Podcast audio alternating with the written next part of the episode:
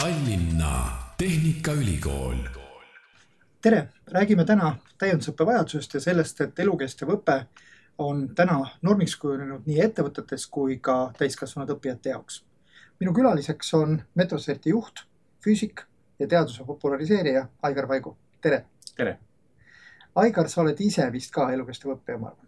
millal sa viimati käisid mõnel kursusel või läbisid mõne sellise õppe, et sa ütled, et äh, nüüd sa oled targem või nüüd sa tead rohkem? ma selles mõttes jah, tõesti igapäevaselt äh, õpin ja püüan uusi asju juurde õppida. mis mulle tegelikult väga meeldib, on sellised avatud äh, kursused. noh, kas on Youtube'is üleval või on mõnes teises sellisel avatud platvormil üleval, et ma ei pea kuhugi regama, vaid ma saan kohe omas tempos hakata seal õppima. ja viimane teema tegelikult, mida ma õppisin ja millega on väga suur emotsioon seotud, see on nüüd umbes aasta tagasi, kui eh, Metroserdis ma läksin meie temperatuuri valdkonna spetsialisti juurde õpipoisiks, et aru saada, kuidas nemad oma tööd teevad. Ja õppisin selle ala kohta väga-väga palju juurde, see on selline noh, nagu viimane väga suure emotsiooniga seotud asi. ehk siis oma tiimis sees õpid uusi asju juurde. ja see on selleks vajalik, et sa paremini mõistaks, mida su alluvad teevad, mitte sellepärast, et sa ise hakkaks neid mõõte, mõõtmisi läbi viima. just täpselt, et ma saaksin paremini aru, kuidas see protsess käib ja, ja ma saaksin nii-öelda luua oma inimestele siis parema keskkonna, kus nemad saaksid oma tööd paremini teha. sa oled öelnud ka seda, et äh, kõik halb algab rumalusest. Nii see on, sellesse ma endiselt usun väga tugevalt. kui rumalaks sa iseennast pead? noh, vaadates, et aeg-ajalt ma ikkagi mingid asjad keeran äh, untsu, siis eh, tunnen ma ennast täna ikkagi üsna rumalana, sest noh, ma püüan alati enda ümber kaasata endast targemaid inimesi ja niimoodi selles mõttes on ka hea minna kuhugi nii-öelda täiendõpet tegema, et midagi juurde õppida, mõnele lihtsale kursusele keskuse või päeva või paar, et, et saad jälle terakese targemaks. Et eh, ma aastas käin äkki niimoodi noh, kahe nädala jagu sellistel erinevatel koolitustel. kui palju neist on seotud tõepoolest sinu tööga ja kui palju on sellepärast, et sa lihtsalt tahaksid rohkem teada? no ma toon lihtsalt näite Oppenheimeri filmi, Oppenheimeri filmi vaadates mina tahaks füüsikast rohkem täna teada, aga ma ei kasuta seda oma töös. et kuidas sa jagaksid need koolitused nendeks kaheks äh, pooleks, see, mis sul tööalaselt vajalik on, see, mis lihtsalt huvi pärast käid? Kuna ma suhtun väga noh, kirglikult oma töösse ja, ja ettevõtte juhina ma vastutan oma inimeste eest, siis vastutus, mis minul on, on see, et ma pean oma tööd tegema hästi.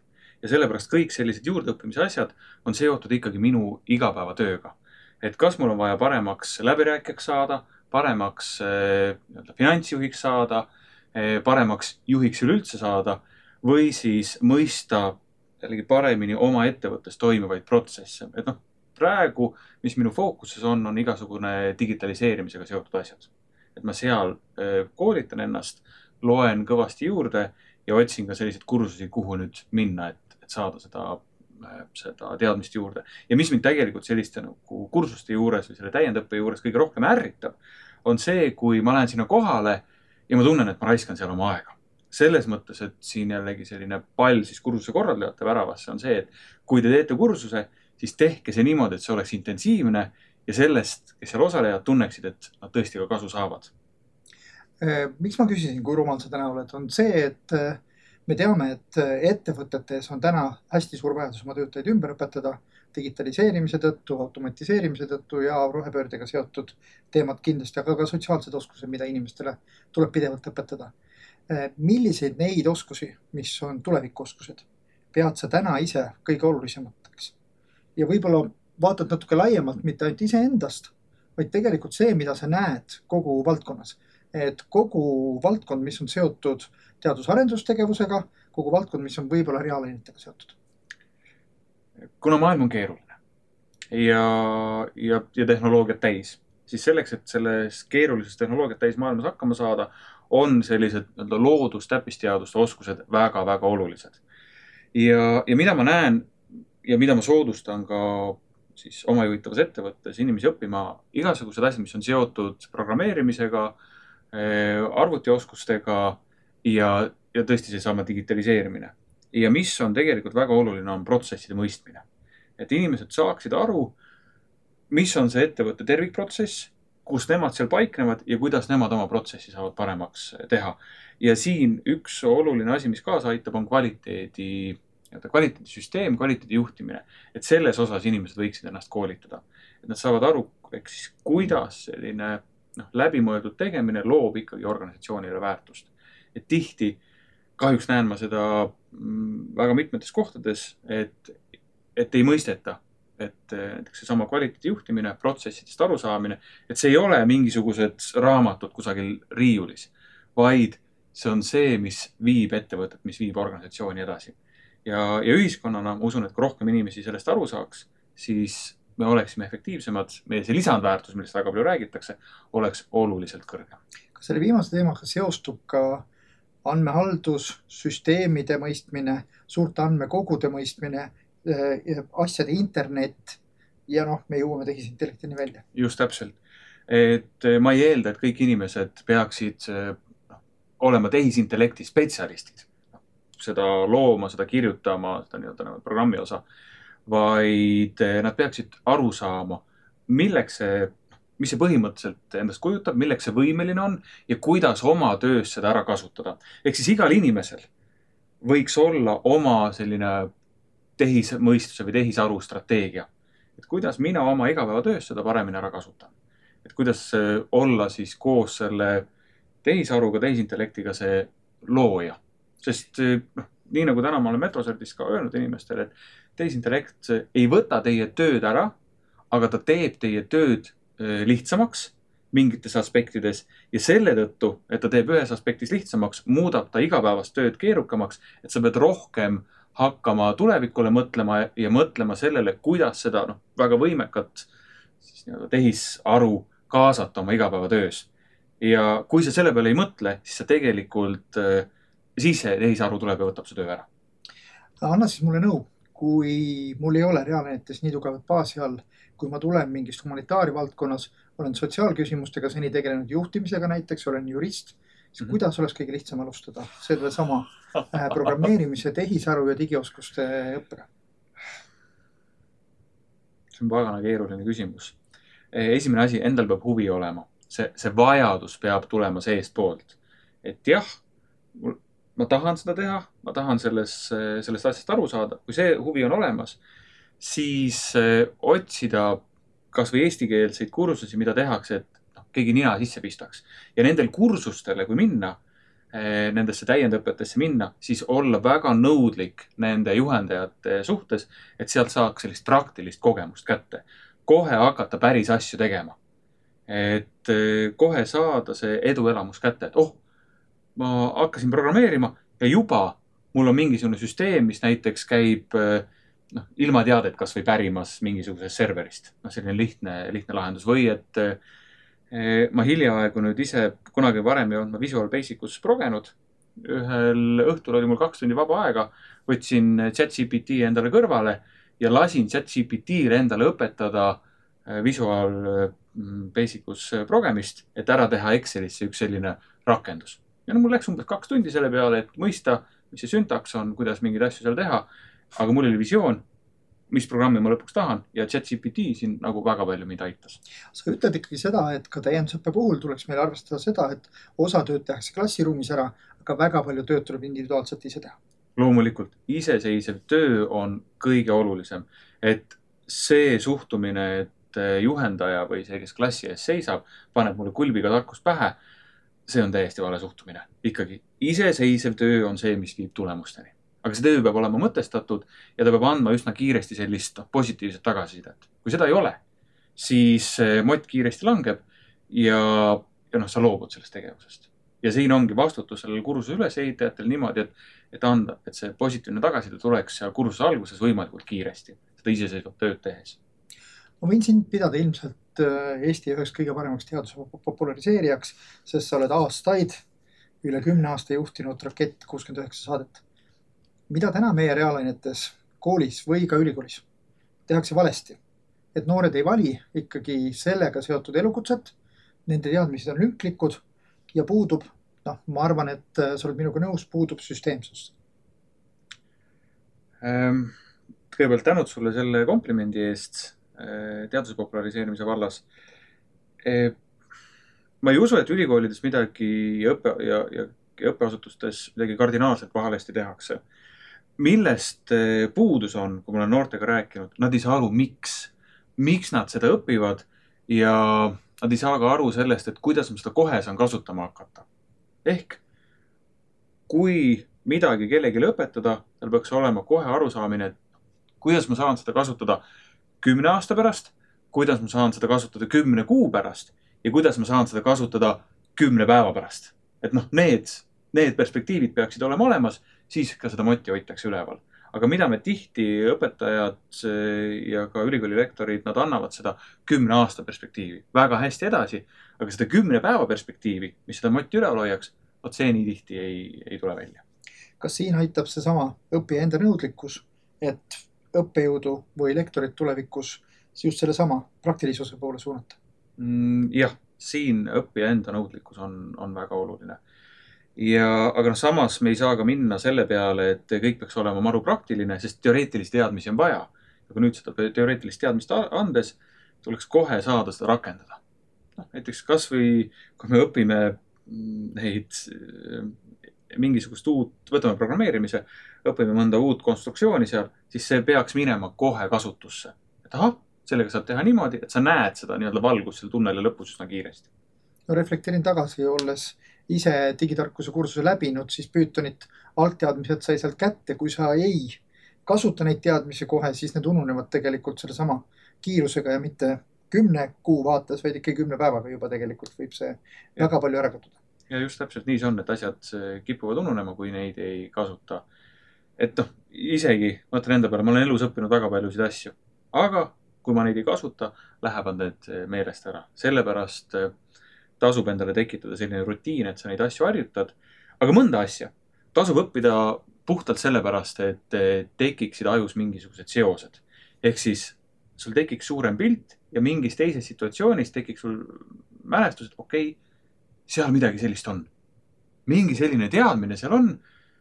ja, ja nüüd ma tahaks seda kuidagi siin ära kasutada ja siis sa tead, kuidas minna seda otsima või sa tead ka näiteks oma seda õppejõudu, kes sind õpetas mingil kursusel. võtad talle kõne, kirjutad meili, et kuule, ma tahaks nüüd seda kasutada. ja siis ta annab sulle vihje, et kuule, kasuta seda nii või näed, siin on see materjal, et sa saaksid seda paremini kasutada. sa räägid teadlikust õppijast. kuidas õppija jõuab sinna faasi, et olla teadlik? läbi valu, ainult läbi valu.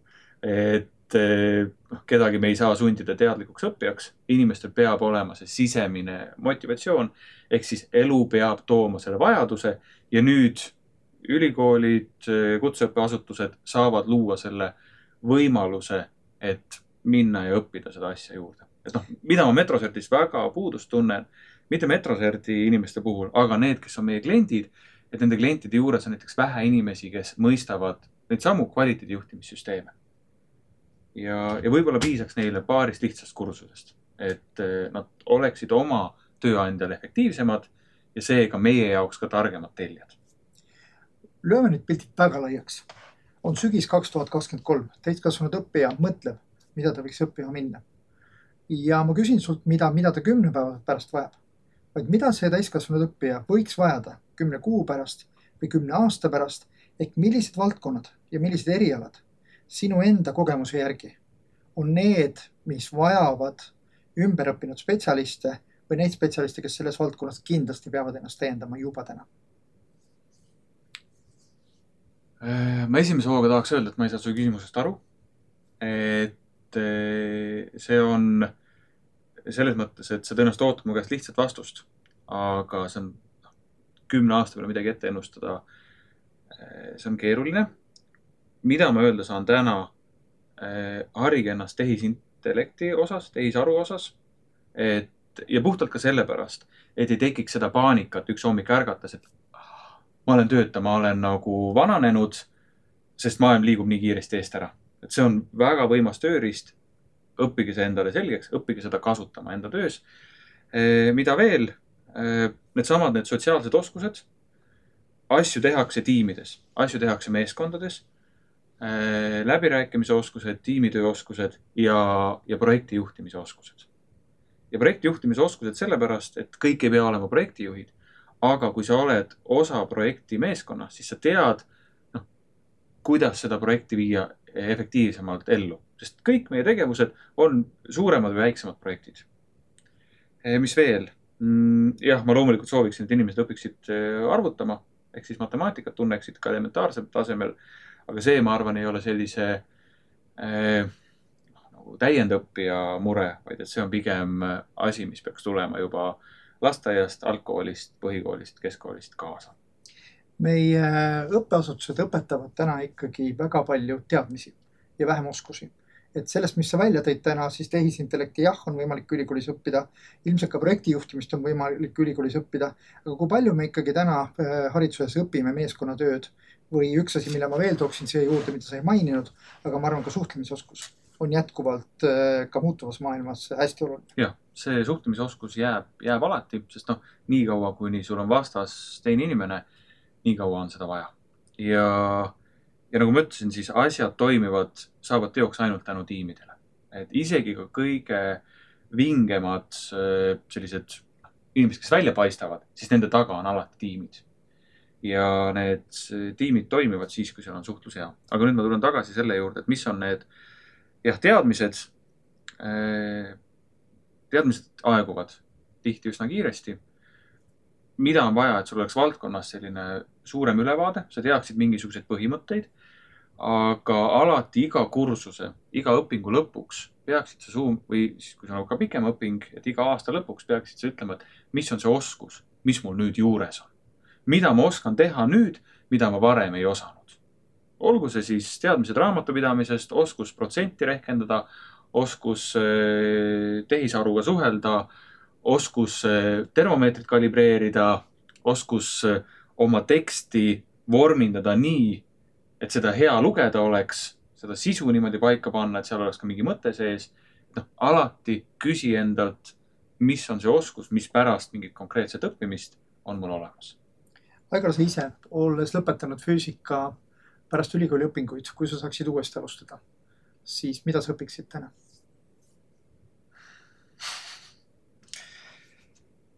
Ehm, ma täna võib-olla rohkem vaataksin Eh, IT suunas, ikkagi taaskord see programmeerimise oskus. eks su teadmiste lünk on natuke ka seal? ja, sest ma olen seda õppinud läbi valu, läbi vajaduse, mitte süsteemselt. Siis eh, ma võtaksin juurde sellist üldist eh, arusaamist majandusest. et noh, igas nii-öelda isiklikus elus kui ka ettevõttes, ükskõik mis juht, juhtimise tasemel olla sa pead nagu nendest arvudest aru saama, sest raha ikkagi määrab, mis on võimalik. mitte seda, mida teha, aga mis on võimalik teha nende ressurssidega.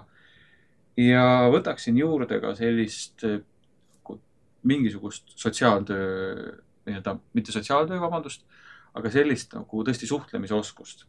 kas äh, mingit esinemispoolt äh,, siis mingisugust nii-öelda inimestega tööd. kõik sotsiaalsed oskused. sotsiaalsed oskused mm. -hmm ja, ja ma vaatan neid kõiki asju tervikus, et noh, jällegi niimoodi punktikeste ühendamine.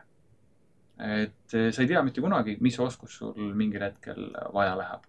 Aga seda õppides sa pead ise särama, et sa ei saa asju õppida niimoodi hambad ristis, et noh, ma surun ennast siit läbi. ei, see peab, ka see õppeprotsess peab sulle midagi pakkuma. see minu jaoks, võin täiesti isiklikult öelda, pakub siis, kui ma näen ka seda kümne päeva perspektiivi. mitte ainult seda kümne aasta ja kümne kuu perspektiivi vaadates maailma meie ümber, mis liigub tehnoloogiliselt ja muus mõttes äh, ka hästi äh, kiiresti edasi. me siiski näeme, et teatud vanad mudelid, vanad äh, mõttemallid tulevad sisse ka sellises rahvusvahelises suhtluses. kui oluline on meil täna tegelikult seda globaliseerumist teada?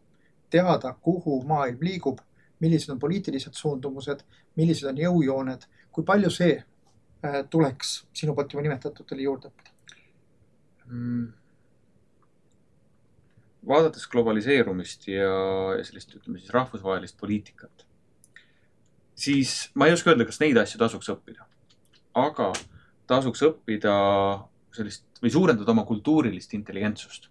ehk sa tead, mismoodi suhtlevad siin noh, meie Eestimaal, eestlased, kuidas suhtlevad, aga kuidas suhtlevad soomlased omavahel, kuidas suhtlevad sakslased, aga mis on itaallaste jaoks olulised.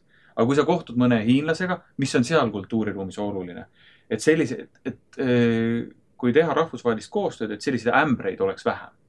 et asjad, mis meile siin Eestis tunduvad iseenesest, iseenesestmõistetavad, ei ole seda võib-olla sakslaste jaoks, ei ole seda hiinlaste jaoks või vastupidi, mis meie jaoks tundub nii veider, on väga loomulik näiteks Jaapanis. ja viimane lühike retsept. mida teha täna, et olla kümne päeva pärast targem?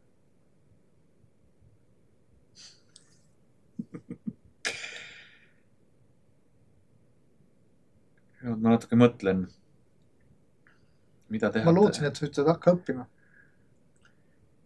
Jah, õppima hakata on lihtne, aga kõigepealt on küsimus, mida.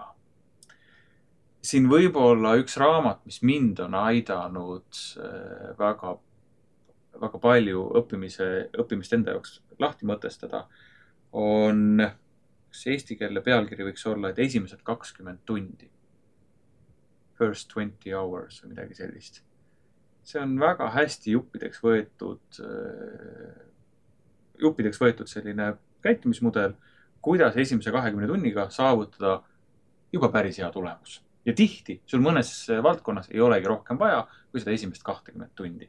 ehk siis esimene samm, et olla kümne päeva pärast targem, mõtle välja, kus sul täna on need eriti suured lüngad, mis ei lase sul oma tänast tööd, tänast elu nii mõnusalt elada, kui sa tahaksid. ja siis panusta sinna kakskümmend tundi selle uue asja õppimisele ja vaata, kuhu see sind viib. Ja kõige lihtsam asi võib-olla, mida teha, õpi kasvõi kümnel sõrmel kiiresti kirjutama. aitäh, Aigar Vaigu. kümme päeva, sinu toodud näide on väga hea, sest ülikoolidel on just täpselt kümme päeva, et esitada avaldusi avatud õppesse või mikrokraadidele kandideerimiseks.